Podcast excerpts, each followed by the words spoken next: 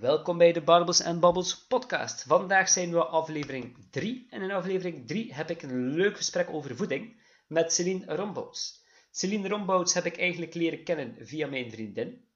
Uh, zij vertelde mij van deze jonge dame op Instagram, uh, die naar verschillende winkels ging en daar de producten wat ging gaan vergelijken. En nu dacht ik van, oké, die volg ik wel even. En dan ben ik haar beginnen volgen op Instagram. Healthy Habits Celine, by the way, is die uh, Instagram-pagina. En daar vond ik dat zijn zo'n waardevol verhaal vertelt over voeding, dat ik haar zeker eens moest uitnodigen op deze podcast.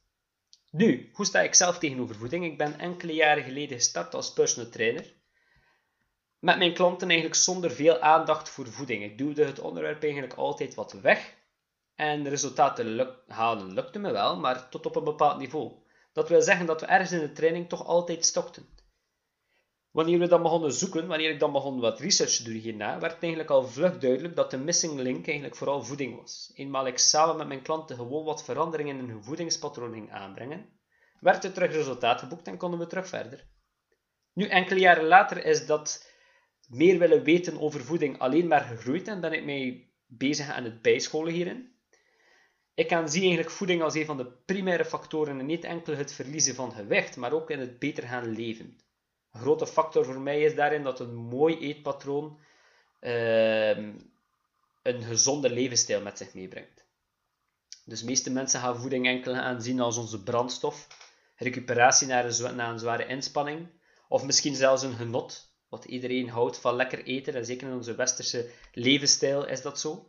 En ik denk ook niet dat we dat mogen verliezen, maar een gezonde afwisseling daarvan kan zeker belangrijk zijn. Wat vele mensen niet weten, is dat voeding eigenlijk ook ons lichaam schade gaat aanbrengen.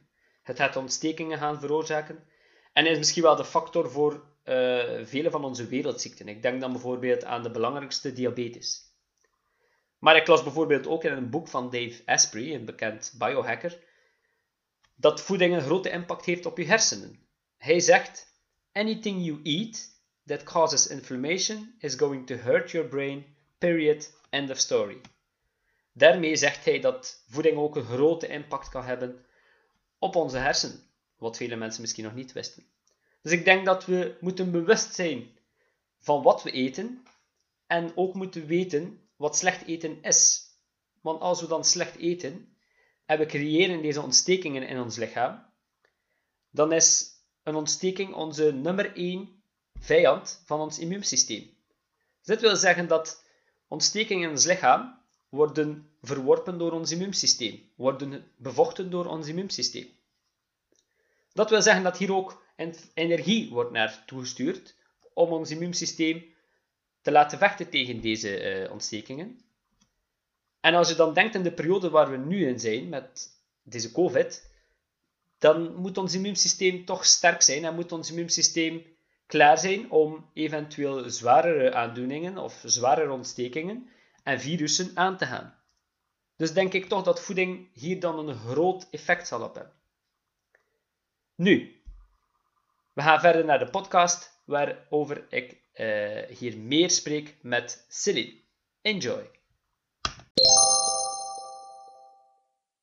Dag Celine, welkom bij de Barbels en Babbels podcast. Ben je wat enthousiast? Hallo. Hallo, merci dat ik er mocht zijn. Ik ben kei enthousiast. Geen probleem, met veel plezier. Uh, dus mensen, dit is Celine Rombouts. Uh, zij is een diëtiste uh, van 24 jaar. En ik ga eventjes kort overlopen wat ik gevonden heb uh, van u op uh, internet. Is dat goed? Yes, ja. Ik ben benieuwd. Yes. Je bent afgestudeerd als voeding- en dieetdeskundige in 2016. Dat klopt, hè? Ja, dat klopt. Dat was de first step into voeding, zie ik. Uh, ja, inderdaad. Ik zat er al wel vanaf mijn 15 mee in mijn hoofd. Dus de stap naar voeding en dieetkunde was voor mij zo ja, vrij obvious.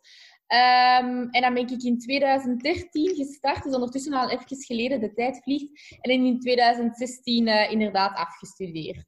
Oké, okay, super. Uh, ik zie dat je dan nog wat doorgestudeerd hebt. Je bent ook afgestudeerd als leerkracht diabetes en diabetes-educator. Oeh, moeilijk woord. Ja, dat klopt. Dus uh, ik heb ja, de leerkrachtenopleiding gedaan. Dus dat is de specifieke leerkrachtenopleiding SLO noemt dat tegenwoordig. Ehm, en dat is één jaar eigenlijk een cursus waarmee dat je een les kunt gaan geven. En dan uh, diabetes-educator eigenlijk om, ehm, als ik in de klinische sector zou terechtkomen, dat ik, uh, dat ik daar wat meer kennis rond had. Dus om die, twee heb ik, allee, om die reden heb ik die twee eigenlijk gecombineerd. Wat je vertelde mij daarnet, toen ben ik daar even nog aan het op terugdenken, dat je al van je 15 jaar ermee in je hoofd zat. Dus dat wil zeggen dat je al van vroege leeftijd echt wist van ik wil iets doen met die voeding. Klopt? Ja, absoluut. Ja, dat klopt. Ik zat er echt al heel uh, vroeg mee in mijn hoofd. En ik heb, daar ook, ik heb eigenlijk nooit een andere studierichting in mijn hoofd gehad. Uh, dat was echt voor mij, ik wil en zal dat doen.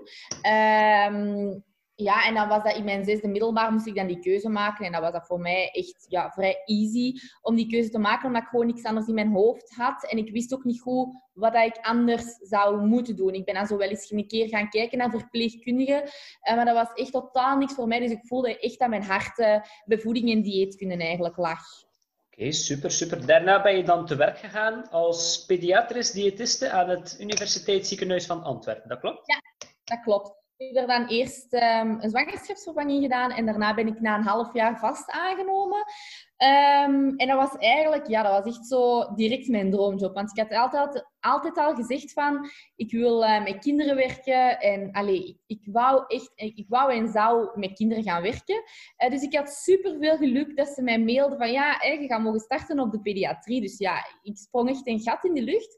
En ik heb daar dan uh, eh, 2,5 jaar gewerkt, dus niet zo super lang. Uh, maar dat komt dan vooral door de combinatie met thuis en mijn Instagram, dat dan iets te veel werd, omdat ja, het was wel echt mijn droomjob. Dus uh, ik heb dat een beetje opgegeven voor dan verder thuis te gaan. Allee, verder door te gaan thuis. Goed, en je, je praat eventjes over die Instagram en dan komen we eigenlijk op het volgende. In 2018 was het eigenlijk de geboorte, we zullen het maar de geboorte noemen, van Healthy Habits. Dat is dus uw, uw Instagram-pagina waar de mensen u kunnen terugvinden. Super Instagram-pagina, by the way. Uh, helemaal blown away. En, en het is eigenlijk elke dag, als u wat met voeding te maken hebt en als je daar wat mee bezig bent, is het wel elke dag leuk om jou bezig te horen en bezig te zien. Super leuk om te horen. Het is ook het een beetje als mijn kindje, als mensen daarover praten. En altijd als ik durfde het niet zeggen, durfde het niet zeggen, maar ik zeg, ik ga toch ja, een geboorte zeggen. Mijn kindje en Allee, als, uh, als ik het er dan met mijn vriend of zo over heb en die, als ze mij dan zo feedback geeft die ik zo niet wil horen, dan voelt dat ook echt, dat doet dat echt zo pijn aan mijn hart van, zeg, je mag dat niet zo zeggen. Dus dat, dat is echt zoiets, ja, ik heb dat um, grootgebracht, Healthy Habits, en dat is eigenlijk gewoon vanuit een passie begonnen. Iets van, ja, ik wil mensen gewoon wat leren over gezonde voeding. Uh, maar dat is eigenlijk, ja, doordat mensen nood hebben aan correcte informatie en niet de ingewikkelde termen en, en alles wat goed en slecht is. Mensen willen eigenlijk gewoon op een laagdrempelige manier ja, bijleren over voeding. Um, en met dat idee ben ik gestart en ben ik dan ook eigenlijk, eigenlijk gegroeid. Dus... Um, het gevolg nu dat ik, um, ik weet het niet juist hoeveel, 27.000 volgers of zo heb. Uh, maar wat ik super belangrijk vind, is dat ik echt hetgeen blijf doen waar ik ben gestart. Hè? Want je ziet dat soms heel vaak, of je ziet dat vaak, dat mensen heel veel volgers krijgen op Instagram en dan zo veel samenwerkingen beginnen doen en hè, vol bak zo dat marketing uh, gedeelte daar rond krijgen. En dat vind ik net heel jammer, want dat is de reden waarom dat ik mensen ga ontvolgen, is omdat ik zo zie dat allemaal wat te commercieel wordt. Dus ik probeer wel echt uh, bij mezelf te blijven en gewoon op een laagdrempelige manier eigenlijk die info te delen. Super. Uh, we gaan straks nog eventjes dieper daarop in, want wat je wel doet is eigenlijk iets specialer, maar voor, in, allez, een beetje later in de podcast komt dat nog terug. Uh, mm -hmm. Dan heb ik nog wat hobby's gezocht, maar ik heb ze niet gevonden. So tell me. Tell me. Uh, mijn hobby, mijn grootste hobby is denk ik, nu ga ik echt als een, als een nerd klinken, maar naar de winkel gaan. Om gewoon ik vind dat zalig om hier in die winkel zo ja, naar producten en zo te gaan kijken. Uh, wandelen doe ik ook wel heel graag, maar op dit moment te weinig. Um, en boeken lezen. Uh, niet dat ik echt een boekenwurm ben, in die zin van zo romans en zo, maar wel alles voedingsgerelateerd uh, lees ik super graag. Um, dus dat zijn zo wat mijn hobby's. Nu klink, nu klink ik echt als een nerd, denk ik, maar ja, ik denk een beetje beroepsmisvorming en uh, daar gewoon heel graag mee bezig zijn. Ja, ik vind het altijd leuk als mensen hun, hun werk als kind of niet hun werk, maar hun passie als hobby aangeven, dat, dat, dat betekent ook dat ze er echt met hun volle hart uh, mee ingaan. Dus dat is wel altijd leuk. Dus dat, dat streelt eigenlijk u wel als, als persoon zijnde. Uh, nu heb ik eigenlijk in de intro al wat gepraat over hoe ik uh, in aanmerking of in aanraking gekomen ben met voeding. Hoe dat bij mij een beetje geëvolueerd is, dat is bij denk ik iedereen die met voeding te maken heeft een evolutie. Um, maar nu ga ik ook, waar vroeger voeding voor mij iets was, die brandstof en, en calories in, calories out, is dat laatste jaren helemaal, helemaal, helemaal veranderd. Ik denk dat dat sowieso wel een beetje veranderd is. Um, maar wat dat bij mij nu ook belangrijk is, en waar voor mijn ogen ook een klein beetje open zijn gegaan, is dat slechte voeding ook schade kan aanbrengen aan het lichaam. En dat is wel iets dat mij, dus die slechte voeding ontstekingsgewijs in je lichaam wat gaat uh, rondsluipen. En Mhm. Ja, dat is wel iets die mij de laatste weken eigenlijk, waar ben ik een beetje aan, aan het uh, research aan het doen ben, die mij opgevallen is. Dus eigenlijk, ik ga niet zo vlug meer zeggen van de goede voeding doet de juiste dingen. Natuurlijk, dat is ook waar. Maar ik ga ook nadruk leggen op de slechte voeding doet slechte dingen. En daar moeten we denk ik ook wel bewust van zijn. Is dat, is dat een beetje, hoe sta jij daar tegenover als, Um, ik, ik, ben helemaal akkoord met, dat je, met wat je zegt van um, voeding kan uh, schadelijke effecten hebben ook. Nu, um, wat ik sowieso niet probeer te doen, is bepaalde groepen te gaan viseren van dat is slecht en dat is goed. Omdat ik altijd probeer in balans te praten. Uh, rood vlees bijvoorbeeld is bewezen dat als we dat te veel eten, uh, dat, dat, kans heeft, allee, dat je dan meer kans hebt op het ontwikkelen van darmkanker. Wil dat dan zeggen dat je nooit meer vlees mocht eten of rood vlees mocht eten? Dat vind ik dan niet per se. Maar het gebruik minderen is dan een goed advies, denk ik. Dus um, hetzelfde met gefrituurde gerechten. We weten allemaal dat dat niet uh, gezond is om te nemen. Um, maar ook daar vind ik van, oké, als je af en toe eens een keer uh, frietjes van de frituur gaat halen en je eet voor de rest eh, genoeg groente, genoeg fruit, je drinkt genoeg water, peulvruchten, al die belangrijke dingen op, dan vind ik dat daar een goede balans in moet zitten. Want als we als we te hard gaan viseren op dat slechte, dan wordt dat ook heel uh, aantrekkelijk. Hè? Denk maar als je, als je tegen je eigen gaat zeggen, zeker een vrouw, ik mag geen chocolade meer, gegarandeerd dat ze s'avonds in de zetel met chocolade liggen. Dus ik probeer daar vooral niet rond, niet rond uh, te viseren. Helemaal waar, helemaal correct. Daar ben ik het mee eens. Super. Uh, maar vind je ook, bijvoorbeeld, we zijn nu in een, in een 20e eeuw waar informatie heel voor de handen ligt. Ehm, Vind jij ook dat de mensen wel een switch gemaakt hebben bij vroeger? Dat de mensen zelf een beetje bewuster zijn geworden van wat ze eten? Massa's. Eigenlijk heel veel cliënten die ik hier in mijn praktijk zie, die komen ja, één ook wel voor te vermageren, maar ook heel vaak gewoon voor hoe moet ik gezond eten, Celine? Vertel het mij. Gewoon omdat ze het zelf belangrijk vinden, omdat ze weten dus welke schadelijke effecten, dus hè, obesitas en diabetes type 2 en hoge cholesterol en hoge bloeddruk, al die hart- en vaatziekten, mensen weten dat ook, dat ze er meer kans op hebben. Um, dus gaan ook sneller een diëtiste contacteren om te kijken hoe dat ze ja, hun eetpatroon stelselmatig uh, ja, kunnen verbeteren, zeg maar. Dus absoluut, ik vind daar een heel mooie positieve evolutie. Ja, ja dus uh, ik, ik zag ook terug op je Instagram stond er ook nog iets leuks dat ik nog even wou aanhouden. Het stond op een anti-dieting diet, dietitian. Dat was nog een moeilijk woord voor uit te spreken. Ik heb enkele keren moeten oefenen daarop, maar het is nu gelukt uiteindelijk. Uh, dus dat is wel een powerful statement. En dat is wel voor mij, denk ik, de juiste statement. Ik, ik sta daar ook volledig achter. Kan je, kan je even dieper ingaan op, op, op wat je daarmee bedoelt? En voor mij is een, dus een dieet, laat me daarmee starten. Wat dat, dat voor mij wil zeggen, is iets waar dat je um, kortstondig kunt volhouden. Natuurlijk, hè, een dieet bij, als je een hoge cholesterol hebt, dat is nu nog iets anders. Maar een dieet voor echt te vermageren is um, echt iets waar dat je bijvoorbeeld op maandag mee start en op vrijdag dat je het al niet kunt volhouden en dat je dus stopt. Dat is voor mij een dieet. En um, wat is voor mij dan anti-dieet, dus anti-diet dietitian, is geen groepen viseren, niet spreken in gezond-ongezond, geen standaard schema's opstellen voor mensen, maar eigenlijk stap voor stap gewoon gezondere eetgewoonten aanbieden met dan die balans. En doordat je geen strenge regels stelt en het eigenlijk een beetje openlaat, maar het wel um, ja, informatief meegeeft, dat vind ik anti-diet. Met geen strikte regels, gewoon een beetje flow, maar stap voor stap wel naar gezonde uh, eetgewoonten. Um, ook omdat, waarom, ik heb dat echt specifiek op mijn bio staan, die anti-diet dietitian. Omdat uh, mensen denken heel vaak bij een diëtiste van... Ja, het is weer vandaag. We mogen enkel wortels en sla eten. En uh, ze zijn allemaal hetzelfde, die, die, diëtisten.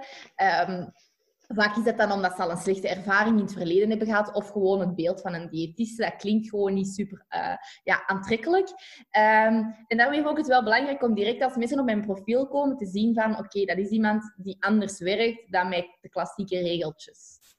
Super, super. Oké, uh, ik, heb wel het gevoel dat dit een, leuke podcast is worden, dus ik, ik wil er eigenlijk direct, uh, direct aan beginnen met u. En we gaan direct beginnen met, met een, een goede, stevige vraag. Wat zijn voor u enkele misconcepties die bestaan over gezonde voeding? Uh, ik denk nummer één, waar ik dan altijd aan denk, is dat koolhydraten slecht zijn. het wordt ook een beetje ingepeperd door de maatschappij. Hè? Ik weet nog, uh, toen ik in het USA werkte en als ik dan zo smiddags aan het lunchen was, dat ik zo, uh, zo verpleegkundigen zo naast mij hoorde zeggen van, ik ben op dieet, ik eet geen boterhammen meer. Um, en ik ben al zoveel afgevallen of zo. En dan, zit, dan zie ik ze daar altijd zo zitten met hun wortels. En dan denk ik, oh nee, ik vind het perfect gewoon nog patatjes te eten en brood te eten kunnen perfect uh, nog afvallen. Dus dat is echt niet uh, een wonderdieet. Hè. Uh, koolhydraatarm, dat is gewoon um, waardoor... Je, gaat, je gaat heel snel afvallen door koolhydraten te vermijden, puur en alleen doordat je ja, gewoon veel minder calorieën opneemt dan dat je anders doet. Maar het is niet enkel onze koolhydraten dat we gaan weglaten. Het is ook hè, uw mayonaise bij uw patatjes valt snel weg, uw pesto bij uw um, pasta je carbonara saus bij je pasta.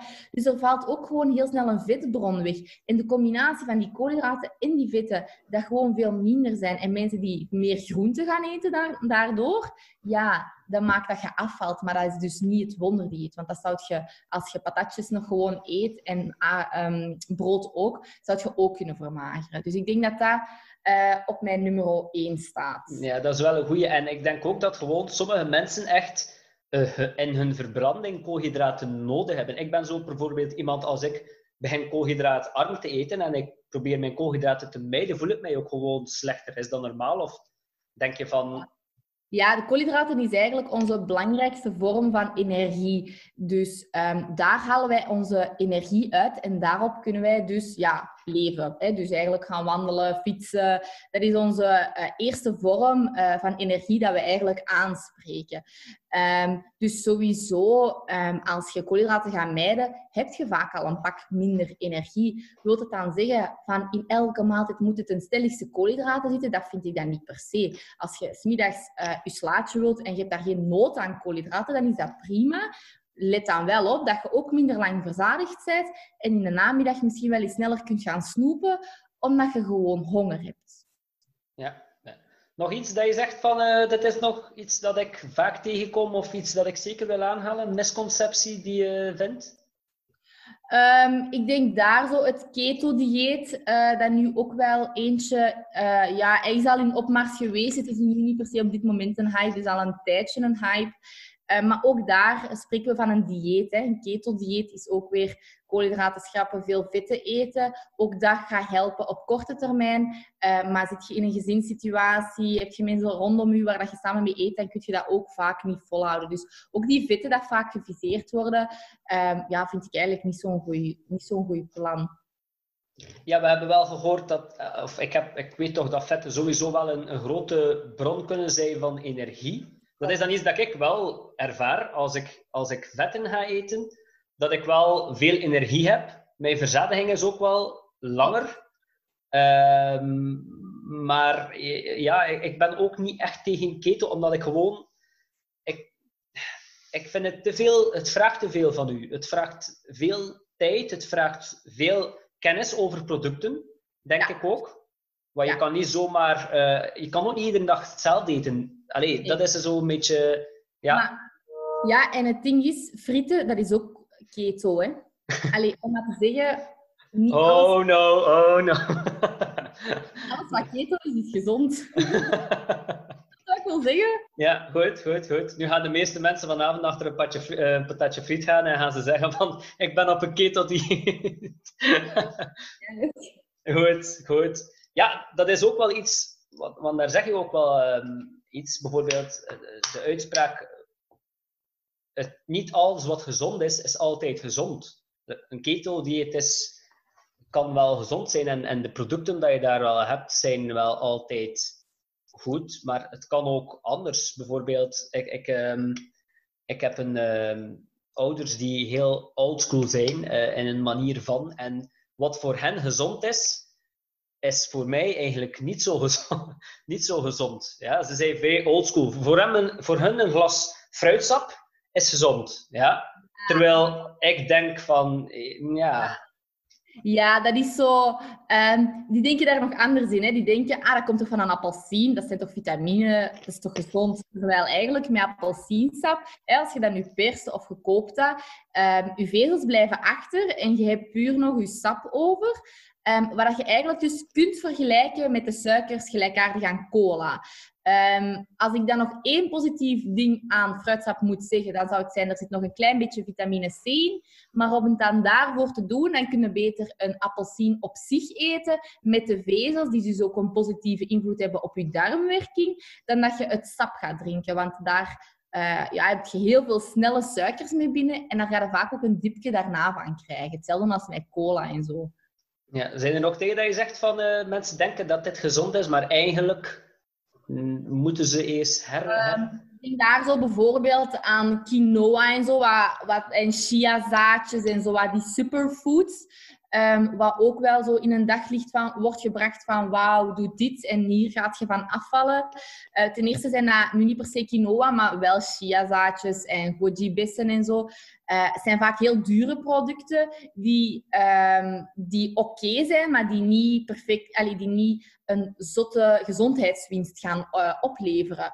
Uh, dus dat is vaak, mensen gaan een chia-pudding maken en die gebruiken dan superveel chiazaadjes, maar ze gaan aan bijkomen omdat ze vergeten dat dat ook nog wel een bron is van vetten. Um, dat zie ik ook wel heel vaak, is als mensen zo een dieet aan het volgen zijn en ze doen maar wat, en ze willen dan toch vermageren dat het niet lukt, omdat ze van, de, van bepaalde producten gewoon ja, te veel nemen. Ja, ja, ja, klopt wel. Ja, dat is waar.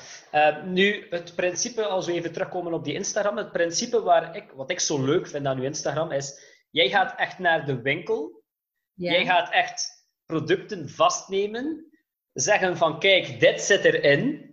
Je neemt een ander product die eigenlijk hetzelfde product, je zegt dit zit erin. En dan ga je ze mooi vergelijken. Dus je gaat eigenlijk de mensen, en dat vind ik super, op een onbewuste manier gaan laten denken over wat ze eigenlijk in hun, in hun mond gaan steken en welke producten ze eigenlijk in hun karretje gaan gooien. Ja? ja. Dus dat is wel een, een, een, super, een super idee, ga ik niet zeggen, maar het is leuk dat je de mensen zo aanzet om zo hun producten te gaan shoppen. Ja. Als je bijvoorbeeld nu een product zou nemen, Celine, en je moet het beoordelen. Wat zijn voor jou drie belangrijke pijlers waaraan je een product zou beoordelen? Dat je zegt van kijk, dat is wel voor mij, dat zijn de drie belangrijkste dingen dat ik zou overlopen. Ingrediëntenlijst. Ja. Daar check ik. ik vind een ingrediëntenlijst moet gewoon zo kort mogelijk zijn. Dus ik hou daar niet van rommel. Um, niet dat ik daar de boodschap wil geven, want dat is een, uh, uh, ook zoiets waar mensen het vaak moeilijk mee hebben. Eén nummers. Um, om dat even gezegd te hebben, E-nummers zijn absoluut niet schadelijk voor de gezondheid. Die zitten vaak ja, in producten toegevoegd om bijvoorbeeld langer te bewaren. Um, en die zijn effectief heel streng gereglementeerd. Maar um, wat je bijvoorbeeld wel hebt, neem twee verschillende tomatensauzen en de ene zit olie en suiker in en de andere niet. Dan neem ik altijd degene zonder olie en suiker. Uh, ongeacht denk ik dat dat gewoon de kleine dingen zijn waar dat je echt wel een verschil mee maakt met gewoon die, ja, laten we zeggen, rommel uh, niet te moeten binnenkrijgen zonder dat we het doorhebben. Hè? Want je koopt tomatensaus en je denkt, dat zal toch wel gezond zijn. En als je dan op je ingrediëntenlijst ziet, dan zie je suiker en olie heel vaak staan. Dus dat vind ik een heel belangrijke. Waar kijk ik ook altijd naar, dat is vezels. Of er genoeg, genoeg vezels zitten in een product. Bijvoorbeeld bij wraps um, staat er heel vaak meer granen op. Meer granen wil gewoon zeggen meerdere granen dat dat uit bijvoorbeeld tarwe en rogge en haver bestaat. Ehm, maar dat wil dus niet zeggen dat dat vezelrijk is. dat is nog iets anders. Dus mensen gaan heel vaak iets meer granen kopen omdat ze denken, um, oké, ik maak hiermee een gezonde keuze, daar zitten veel vezels in. Maar dat is dus niet. Er zitten niet, niet meer vezels in. Zeker bijvoorbeeld bij wraps niet. Ehm, wat is nog een belangrijke? Ik ga nooit kijken naar mijn totale hoeveelheid koolhydraten. Dat is hetgeen wat mensen wel heel vaak doen. Maar ik kijk naar mijn onderverdeling waarvan suiker. Omdat koolhydraten Ehm, ja, pasta, uh, rijst, couscous, dat bevat sowieso koolhydraten. Dus daar gaat je nooit een verschil kunnen maken in eentje laag in koolhydraten of eentje hoog. Want er zit van nature gewoon is dat een koolhydraatrijk product. Ehm, maar wat je wel kunt doen, bijvoorbeeld bij koeken of bij melkproducten, is naar de onderverdeling gaan kijken hoeveel suiker zit daar nu effectief in. Dus de toegevoegde suikers. En dat is wel interessant om te weten. Niet per se het getal koolhydraten, maar waarvan suiker.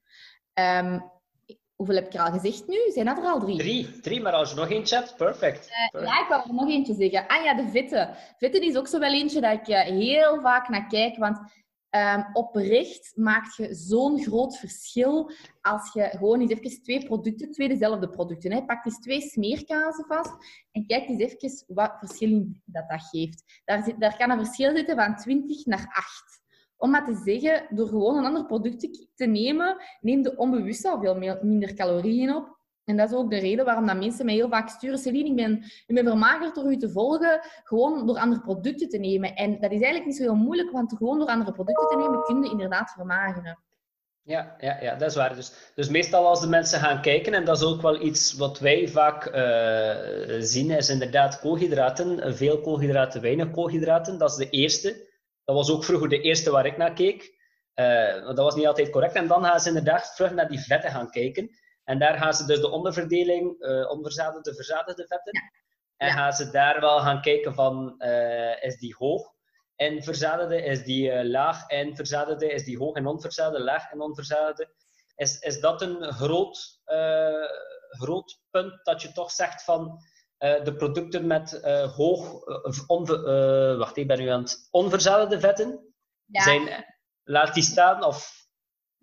de producten hoog in verzadigde vetten. Dus verzadigde vetten zijn de slechte vetten. Dat zijn de vetten die onze cholesterol omhoog doen, die onze hart- en bloedvaten op termijn doen dichtslippen.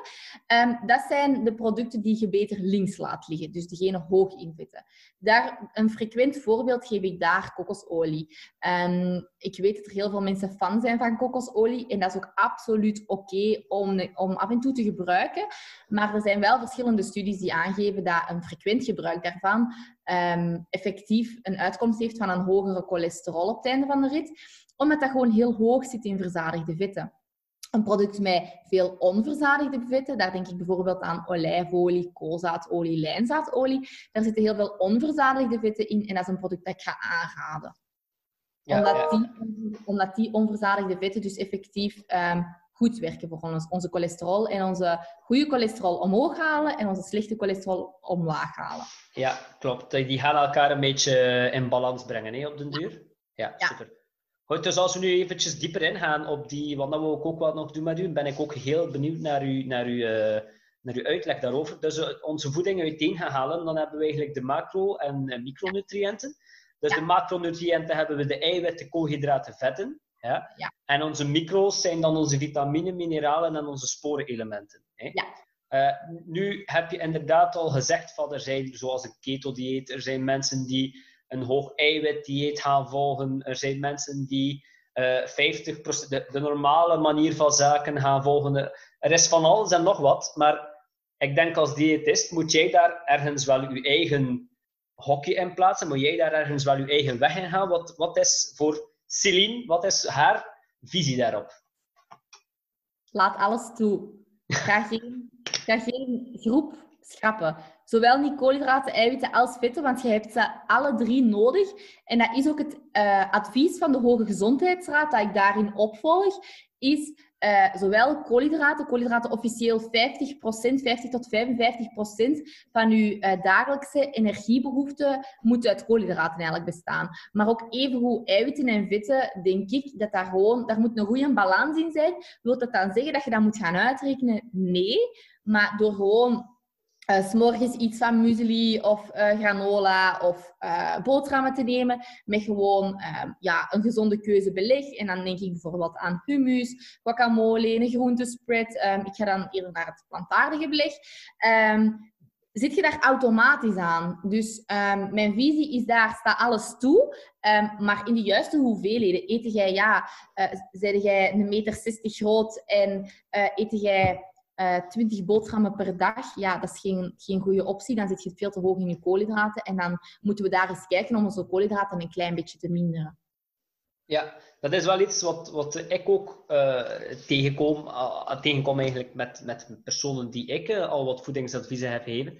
Is van, ze weten vaak wel wat goed en slecht is, maar ze weten bitter weinig wat ze eigenlijk innemen. En dat vind ik wel interessant aan die macronutriënten.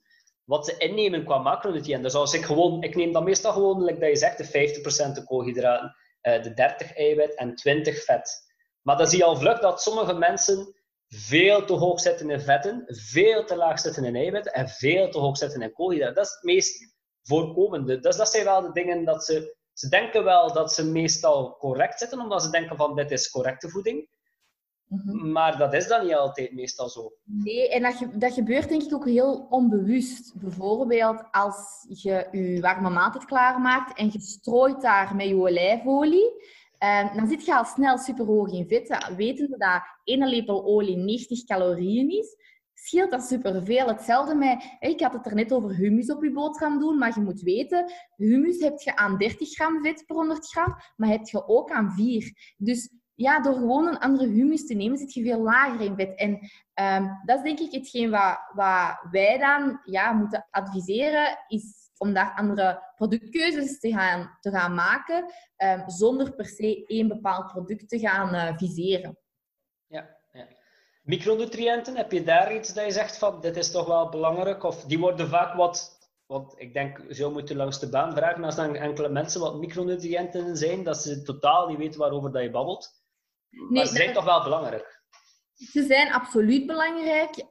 Um, ik zie, ik zie hier in mijn praktijk voornamelijk uh, tekorten aan ijzer.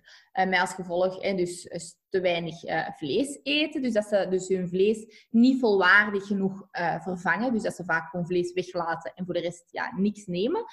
Um, dat is het meest voorkomende tekort dat ik hier eigenlijk zie in mijn praktijk. Um, nu, met een gebalanceerd voedingspatroon, dat wil zeggen met genoeg groenten en fruit en, uh, en peulvruchten en al die zaken, heb je normaal niet heel snel kans op een tekort. Um, ik denk maar bijvoorbeeld in, in het universitair ziekenhuis, waar ik heel veel kinderen zag, heel veel slechte etertjes. Daar wordt regelmatig ja, bloed bij getrokken om, om te kijken of dat ze geen tekorten hebben. Maar dat komt eigenlijk niet, of dat, dat is mijn ervaring toch, niet super snel voor. Als ik hier mensen zie die zeggen, ik ben zo wat vermoeid en futloos, um, ga ik natuurlijk altijd zeggen, laat, laat een keer um, alles checken bij, bij uw huisdokter en we zullen eens kijken of dat er geen tekorten zijn. Um, maar heel grote tekorten in, in vitaminen en mineralen zie ik eigenlijk niet heel vaak. Ja, ja, ja.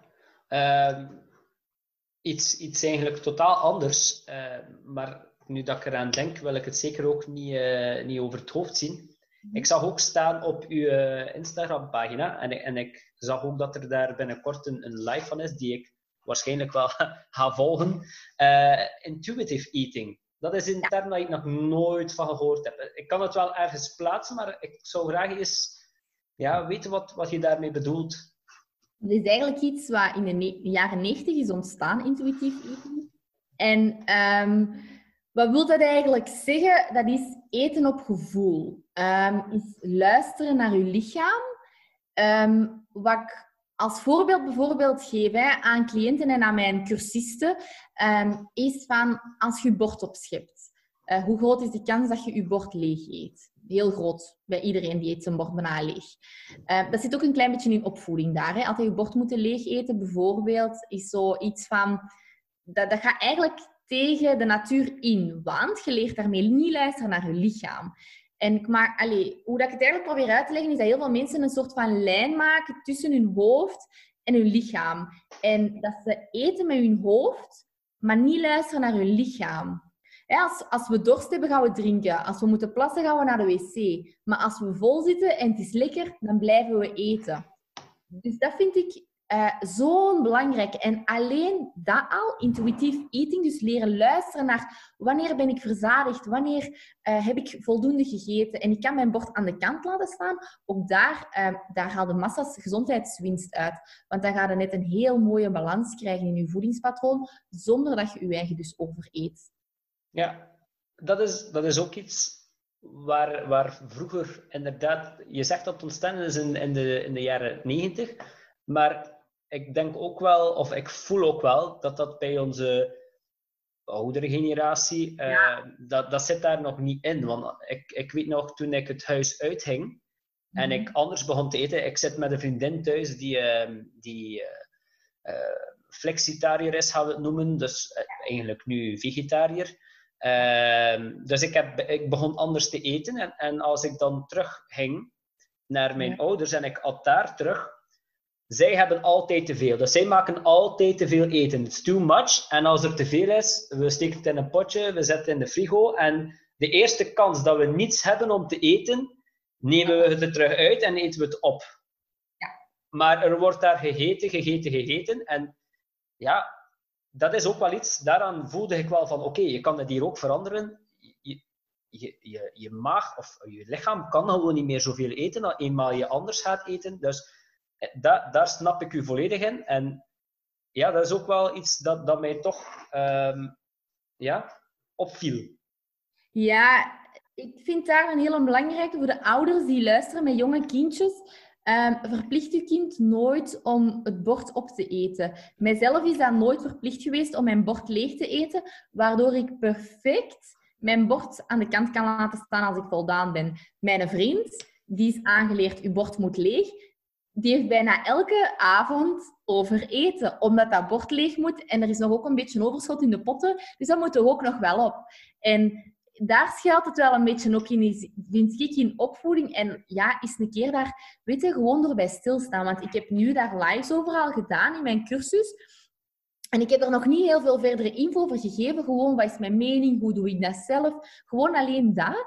Want ik ben er nu zelf meer en meer boeken over aan het lezen en masterclasses over aan het volgen. Maar alleen al door die lives te doen, zet ik mensen aan het denken en sturen ze ook oprecht die feedback van, amai, je hebt me echt aan het denken gezet en ik ben nu echt al helemaal anders aan het eten. Gewoon door dat te zeggen. Dan denk ik, ja, er is nood aan zo'n informatie. En dat is ook de reden vanavond op mijn, op mijn uh, Healthy Habits pagina uh, gaat er ook een live zijn over emo eten. Um, omdat gewoon door erover te praten helpt al. Ja, dat is waar. Dat is waar. Ik wil ook dat de mensen weten van eenmaal je aan het overeten bent of dat je bezig bent en die... Je kan dat altijd wel veranderen. Dus dat, is, dat klopt, Celine? Je, je kan je gedrag daarin vlug veranderen. Absoluut. Zeker en vast. Ja, ja. Goed, dus als je um, daarover meer wilt weten, kan je altijd eens naar Celine haar uh, Instagram-pagina gaan. Daar heeft zij ook wel nog wat informatie, of zal daar wel nog wat informatie over, over komen, denk ik.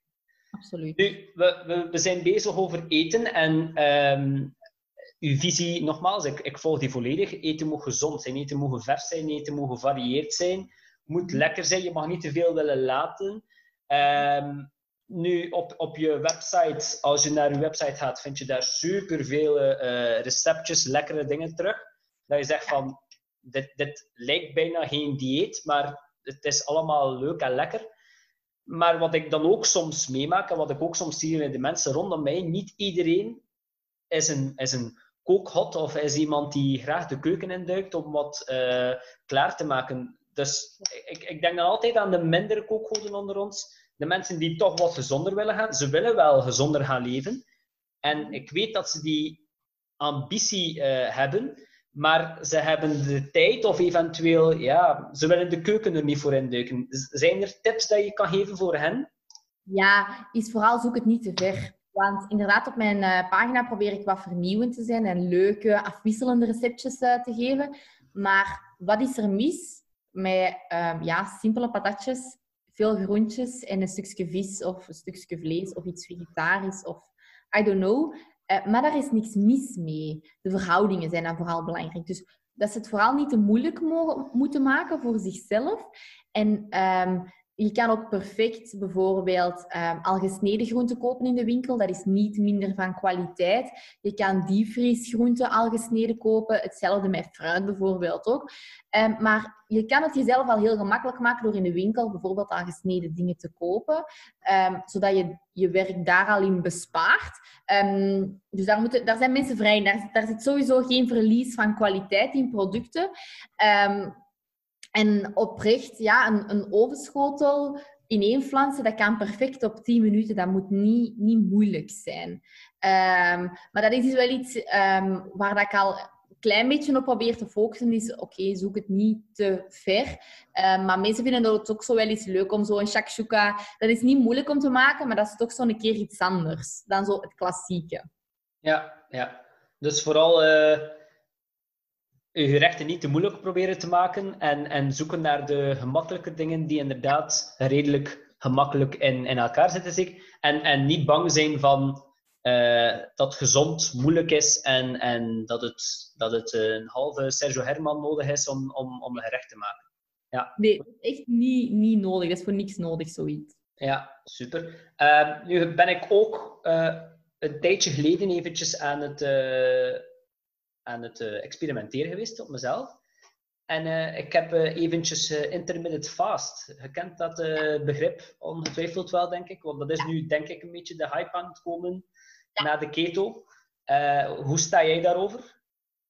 Um, intermittent fasting is iets, um, ik ben er heel voorzichtig mee. Um, maar uit wetenschappelijk onderzoek daar zijn wel positieve effecten uit te zien. Dus ik ben absoluut niet tegen intermittent fasting. Sommige mensen doen dat ook al gewoon onbewust. Um, mensen die geen ontbijters zijn, ja, die skippen dat sowieso al. Dus die hebben sowieso een lange periode van vasten. Dus die zijn eigenlijk onbewust aan intermittent fasting aan het doen. Nu, wat zeggen wetenschappelijke studies ook wel van oké, er zijn voordelen uit en, en je geeft je lichaam inderdaad wat rust en je kunt er ook perfect mee vermageren. Um, wat is een maar, dat ik er ook wel bij zeg, de effecten daarvan zijn niet groter dan mijn klassiek gezond dieet. Uh, dus als het is om te vermageren, dan zou ik zeggen, ja, dan kan het ook gewoon perfect met, met gewone voeding. En dan moet je dat vasten niet doen. Hè, want mensen die echt de ontbijters zijn, ja, of, of van hun lunch houden of echt hun avondeten niet kunnen missen, denk ik niet dat het echt een, een aanrader is. Maar als je er je goed bij voelt en het is iets wat jij heel je leven kunt doen, um, dan vind ik het wel iets prima. Ja, het leuke eraan is dat je, dat je wel een beetje je lichaam leert van goed, het is nu acht uur s morgens en je hoeft eigenlijk niet te eten. Er kan perfect worden geleefd op wat we nog hebben in ons lichaam. Dat vind ik het leuke eraan, de metabolische switch daarin. Dat is ook een beetje dat intuïtief eten, vind ik daar ook weer van. Uh, je moet niet om acht uur s morgens, als je uit je bed komt, of om zeven uur s morgens, moet je niet ontbijten. Daar mag je rust wat tijd tussen zitten. Ja, dat is ook nu wat dat wij nu doen met die coronatijd. Wij gaan ook nooit op een vast uur eten. Wij eten als wij eigenlijk honger hebben, kind of.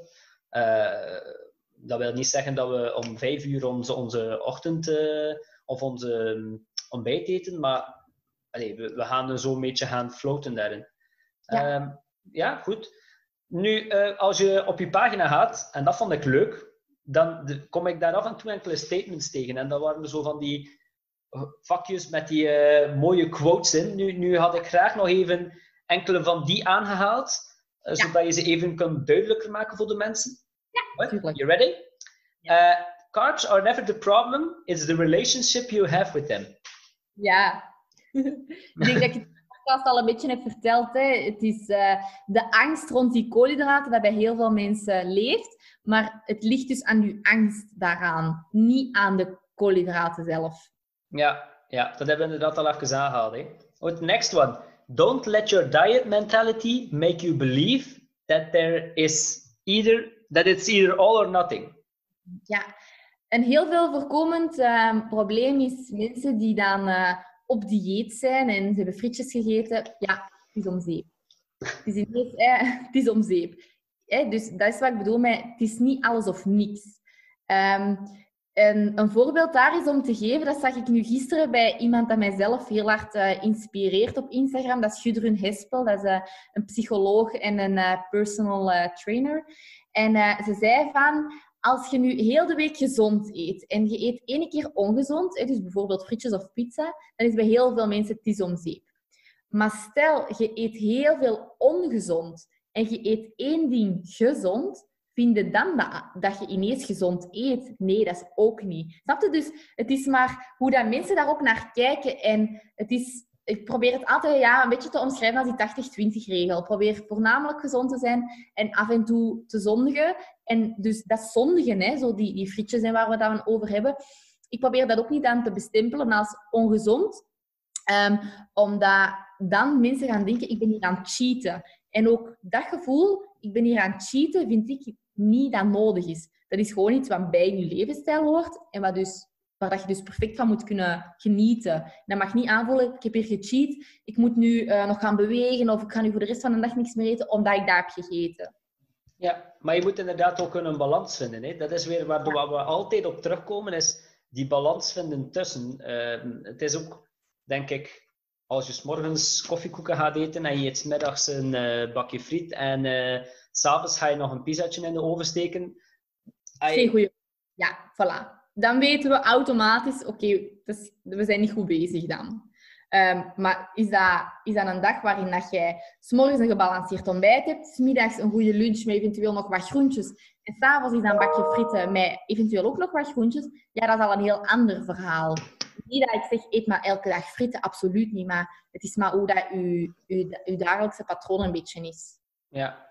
Nu, de volgende vind ik wel een leuke. You don't have to be hungry to eat. Ja. Dat is iets wat, wat, wat vaak wordt wijsgemaakt. Hè? Um, je mocht alleen eten als je honger hebt. En ik probeer wel te zeggen van...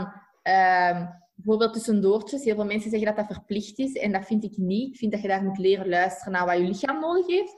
Maar als jij echt zin hebt in een paasei en je kunt er echt van genieten, eet dat paasei dan.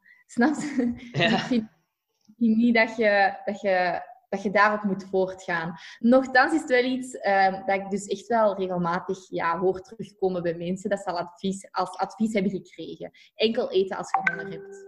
Ja, dat vind ik wel... Die adviezen in, in, in die wereld... En daar had ik ook wat moeite mee, want ik, ik, ik heb nu mijn, mijn mijn getuigenschrift als gewichtsconsulent. En ik ben er eigenlijk mee gestart omdat ik, ik lees graag wat boeken, maar je krijgt op de duur zodanig uiteenlopende visies, dat je zelf niet meer weet wat correct is, wat juist is en welke visie dat je moet volgen. Dus ja, inderdaad, het is daarom dat ik zeg van, dit is wel leuk, omdat ik eigenlijk... Je hoort vaak het tegenovergestelde.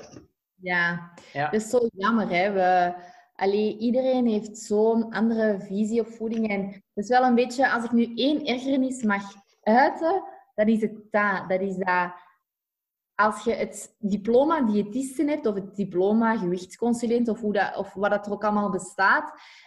Um, ja, mensen zijn op de vrije loop. Hè. Ze, kunnen, ze kunnen adviseren wat ze willen. Hè. Als, als ik hier in mijn praktijk vol een bak uh, allemaal dieet ga aanraden, ik mag dat, want ik ben diëtiste, maar... Um, ik vind het geen juiste manier. En oké, iedereen heeft zijn eigen visie, hè, maar dat is exact de reden waarom dat mensen het niet meer weten. En kom aan, we hebben daar toch een, een rol in. Wij als, als experts moeten daar toch het voortouw kunnen nemen en moeten kunnen wetenschappelijk onderbouwde uh, adviezen geven en mee zijn met intermittent fasting. Is dat nu goed of niet? En intuïtief eating. Ik vind, als diëtisten moeten daarin mee zijn. En als je dan niet mee bent, ja, dat vind ik niet oké. want je geeft adviezen aan mensen. Je bepaalt ergens die hun gezondheidswinst in de toekomst. Als je dat niet mee zegt, ja, dat is iets... Ik kan, daar, ik kan daar heel moeilijk mee om. Ja, maar dat is ook iets dat wij bijvoorbeeld als, als wij nu gewichtsconsulent zijn, jij geeft dat mee aan de mensen die jou volgen. Dus je, hebt die uh, eh, 27.000 volgers waaraan dat je dat geeft. Maar als ik jou volg en jij zegt plots van um, spaghetti bolognese eten vijf maal per week, uh, gaat ervoor zorgen dat je uh, beter leven gaat hebben en dat je 130 jaar wordt. Oké? Mhm. Dan ga ik dat, omdat ik uw visie respecteer en uw, uw manier waarop dat je kijkt top vind, mhm. dan ga ik dat ook meegeven aan de mensen die mij volgen en de mensen die ik begeleid. Ja? Dus ik denk inderdaad dat, dat, ja, dat het ergens zoeken is naar de mensen die jij vindt die het juiste die de juiste weg volgen en, en zo gaat, gaat de trein door. Maar ik denk wel dat dat uiteindelijk, want sowieso de mensen die het volgen en dan toch die weer die jojo hebben, gaan niet terug naar de persoon of gaan niet terug naar het dieet dat ze gevolgd hebben. Klopt, klopt. Ja. Ik heb heel weinig mensen die, die een eiwitten-dieet doen. Heel weinig. Ja. Nobody. Uh, bedoel je dan een proteïnedieet? Proteïnedieet, proteïnedieet, ja. ja. Um, hier in mijn praktijk, ik denk dat 80% dat allemaal al heeft gedaan, proteïnedieet.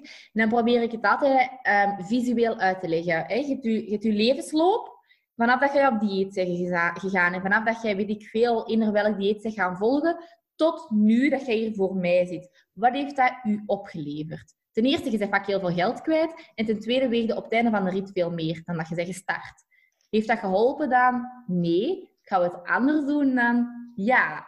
Dus ik probeer het altijd zo uit te leggen. Maar kijk, dat diëten, dat werkt kortstondig. Maar we zitten hier nu. Dus het wil zeggen dat het niet heeft geholpen.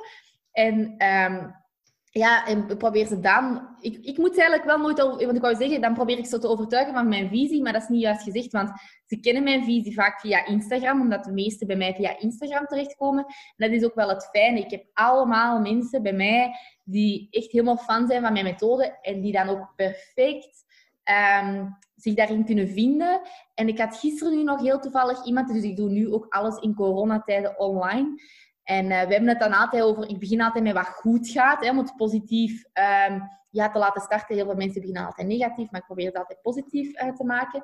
En, uh, en, en ze zei van, ja, het gaat eigenlijk echt um, verdacht vlot en ik verschiet ervan. Ze zei, maar heeft niet iedereen dat bij u? En dat, dat zette mij zo wel aan het denken van, ja, eigenlijk niet iedereen, maar de meeste bij mij in mijn diëtistenpraktijk doen het allemaal goed omdat ze allemaal de juiste mindset hebben met niet diëten. En dat is ook wel, ja, dan kan ik als diëtiste alleen maar dankbaar zijn dat die methode zo goed werkt en dat mensen dat ook gewoon zo goed doen. Ja, super, super. Uh, ik, ik had nog eentje, en dat is ook wel een leuke. Diet culture has made us afraid of bananas. Tell me. Ja, oh, het eeuwige verhaal van de bananen. Ik denk als we een keer zo, als ik zo'n poll zou doen, ondertussen weten mijn volgers het al, uh, dat je niet bang moet zijn van bananen. Maar als je het in het begin van mijn, allez, van mijn pagina had gedaan, denk ik dat 90% had gereageerd van bananen mogen niet eten, want er zit te veel suiker in. En als we naar de voedingswaarde gaan kijken van een banaan, dan zien we dat dat geconcentreerder is in suikers dan een ander stuk fruit. Ik zeg daar ook altijd bij, een banaan gaat dan ook wel veel harder verzadigen dan een mandarijntje. Hè? Dus je moet ook wel wat kijken naar, oké, okay, een mandarijn gaat er misschien niet zo lang verzadigd van zijn, maar een banaan wel. Dus ja, in je havermout vind je dat lekker met banaan, doe het dan met banaan. Want je gaat waarschijnlijk tot de middag voortkomen. Tuurlijk, tuurlijk. Eh, dat is gewoon ook, vind ik, het lekkerste fruit. Punt, arguing. S'morgens in je granola met je wat yoghurt, een banaantje, kan echt super lekker zijn. Ah, bangelijk. Ja, absoluut. En dan, dat is altijd, dat is altijd, ik vind altijd erg voor mensen, want dan zeggen ze zo, ja, een banaan mag niet zeker. Dus ik zeg, jawel, je mocht een hele banaan eten bij mij. Dat is echt zo, wauw. Mensen zijn dan echt blij. Dan denk ik echt... Maar er zijn nog diëtisten, en ik dat weet gewoon, die nog altijd zeggen, je mocht maximum een halve banaan en max drie per week. Ja. Ik ging dat juist aanhalen. Ik heb dat ook gehoord over laatst van iemand, maar ik weet niet meer wie. Die vertelde mij ook van, ik mag maximum drie bananen eten per week. Ik dacht van, god, serieus? Now how, that's not how it works. Ja, goed. En de laatste is ook nog wel een leuke, en die hebben we eigenlijk al een klein beetje aangehaald, is No one argues with a pilot how to fly a plane, but everybody thinks they're an expert on nutrition after watching a few based documentaries on Netflix. Voorbeeldje What the Health. Um, is daar zo een, een van Netflix-serie. Iedereen die ineens vegan, uh, vegan gaat worden of uh, vegetarisch gaat worden. Terwijl um, als ik een studie nu ga zoeken dat kokosolie goed is, dan vind ik het ook. Dus je kunt heel gericht naar wetenschappelijke bronnen zoeken. Um, en om, om op echte quote zelf terug te komen, um, je moet maar eens in je omgeving tegen iemand zeggen ik ben dit aan het doen van gezond eten. Hè. Ik, ben, ik, probeer het zo te doen of ik probeer het zo te doen. iedereen heeft zijn mening klaar en gaat zeggen, of toch heel veel, gaan zeggen, ah, maar je moet deze ook eens proberen. Of ik ken via via deze en dat was ook goed. Iedereen denkt dat hij het weet. En blijf bij je eigen sector. Want uh, je beseft niet hoeveel impact dat, dat kan hebben op een persoon. Want dat is, dat is waarom mensen het ook niet meer weten. En ja, allemaal professionals, professionals elkaar tegenspreken. En iedereen in onze omgeving dan ons nog eens gaat vertellen hoe dat moet. Ja, hoe moeilijk kan het worden? Ja, dat is waar. Ik als diëtiste, um, ik kan er ook echt de kriebels van krijgen als ik zelf dan op een feestje ben en ik ben gewoon leuk uh, iets aan het drinken. Um, van, amai, hey, je bent diëtiste, drink je alcohol? En dan denk ik, oh my god, niemand moet in zijn recht zijn om mij te zeggen wat ik wel en niet mag eten of drinken. Um, bemoei je met je eigen eetpatroon, maar heb nooit kritiek over iemand anders eetpatroon. Want je bent echt niet in, iemand, allez, in je recht om dat te doen, vind ik. Ja, ik, ik ken ook zo iemand, en, en dat is voor mij een beetje een mentor in de wereld dat ik zit. Uh, dat is, uh, die noemt Bobby Maximus, dat is iemand uh, op Instagram en, en een, een bekend trainer, eh, wereld, op wereldniveau. En die post eigenlijk superveel steak, ribs, barbecue, mm chicken. En die kreeg superveel, want die vertelde, ik volg die podcast ook al enkele jaren, die vertelde, ik kreeg superveel berichten, haatberichtjes van mensen die zeggen van, je eet al die uh, bril en je eet alles uh, wat, wat slecht is en al die meat, dat is allemaal heel slecht voor u. Maar hij zegt dan ook van, hij is, Celine, twee meter, hij is ripped van boven tot beneden. Hij zegt ook wel van, dat denken de mensen, dat ik enkel dat eet, terwijl ik superveel andere dingen eet die super gezond zijn. Anders zou ik ook zo niet staan. En, en nummertje twee, het is ook gewoon niet aantrekkelijk om u s'avonds in de zetel te zetten en te zeggen van kijk, ik ga nu eens een, een foto nemen van mij met mijn, met mijn blauwe besjes bijvoorbeeld. Mhm. Niemand. Mhm. Hij zei, ik, ik heb het geprobeerd en ik heb gewoon 10.000 meer likes op mijn uh, barbecue gegrilde uh, steak dan dat ik heb op mijn blauwe bessen. Dus Mhm. ja, Wel, maar eh, ik denk, ja, en da daar moeten zo'n mensen vooral gewoon doen waar dat ze zichzelf het beste bij voelen. En moet niemand daar commentaar... Het is allemaal heel lief dat die bekommerd zijn om zijn gezondheid, maar hij zal het zelf wel weten wat hij doet. en that's it. Hij, hij, hij ziet eruit lekker, lekker Griekse hot. Dus allee, ik kan me niet inbeelden dat hij, dat hij, dat hij slecht, slecht eet of, of slechte dingen. eh. Nee. Nu, ehm, heel interessante podcast. Eh, we zijn geleidelijk aan naar, naar het einde aan toe gaan, eh Celine. En ik eindig graag met enkele bullet questions. Eh, die bullet questions, jij weet niet van waar die komen. Eh, Jij weet niet wat ze zijn. De bedoeling is dat je een antwoord geeft die kort en krachtig is, maar we mogen daar even over babbelen. Ehm, maar dat zijn dingen die bijvoorbeeld niet over voeding gaan ook. Ja? Goed, oké. Goed, we gaan beginnen met de gemakkelijke. Eh, een goed ontbijt of een stevige avondmaaltijd? Goed ontbijt. Ehm, podcasts of muziek? Podcast. Goed, als je, wanneer je denkt aan het woord succesvol, wie is dan de eerste persoon die jou te binnen schiet? Mijn businesscoach Amy van de Putten. Amy van de Putten, nog nooit van gehoord. Misschien wel een keer opschrijven. Ja, fast forward Amy, echt, dat is ehm, de beste coach eh businessgebied aan eh, dat er bestaat. Ik heb daar iets van zien passeren op Instagram, hè? klopt hè? Ja, ik volg daar eh, een ehm, Business Freedom Mastermind. Dat is een vier maanden lang traject om je business tot een, een next level te krijgen eigenlijk. Ja. Goed, wat is iets waar jij in gelooft dat anderen misschien crazy zullen vinden? Oh my god, dat is een moeilijke vraag. Ja, hè? Wat is iets waarin ik geloof wat andere mensen crazy zouden vinden? Ja. Mag helemaal out of the box zijn, hè? Oh my, dat vind ik echt een moeilijke. Ehm, ja, ik denk dan eigenlijk, maar dat is niet per se iets, iets in geloven. Ehm, iets wat ik heel eh, graag zou doen, is een wereldreis. Ehm, omdat ik ervan overtuigd ben dat dat je persoonlijke ontwikkeling uh, verbrengt. Maar ook gewoon ehm, ja, naar vrijheid toe en naar verruiming toe. En ja, die persoonlijke ontwikkeling, dat is iets waar veel mensen mij in tegenspreken. Dus ik weet niet of dat, dat een goed antwoord is. Dat is eigenlijk wel een heel goed antwoord. Ja, ja dat is wel een goed antwoord. I like it.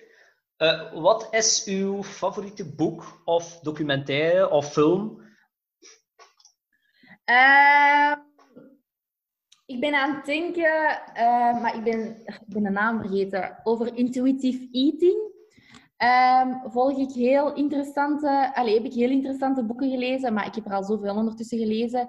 Uh, ik ga even snel spieken of ik, um, want hij ligt hier ook niet bij mij in de buurt. Ik ga even kijken of ik de naam hier vind. Uh, even kijken. Nee, ik vind... Wacht, hè. Nee. Um, in ieder geval, ik kan ze hier nog doorsturen, maar dat zijn twee boeken over intuïtief eating. Ja. Um, en de boeken van Carola's Kitchen. Uh, vind ik ook fantastisch. Um, ja. Ik hoop natuurlijk zelf ooit ook een, uh, een boek te schrijven.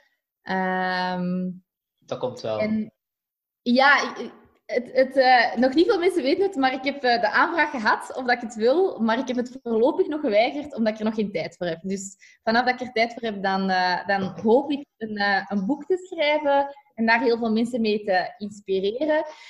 Um, en mijn favoriete Netflix-serie is um, Casa de Papel. dat is cliché. Dat is, dat is iets van iedereen die... Ja.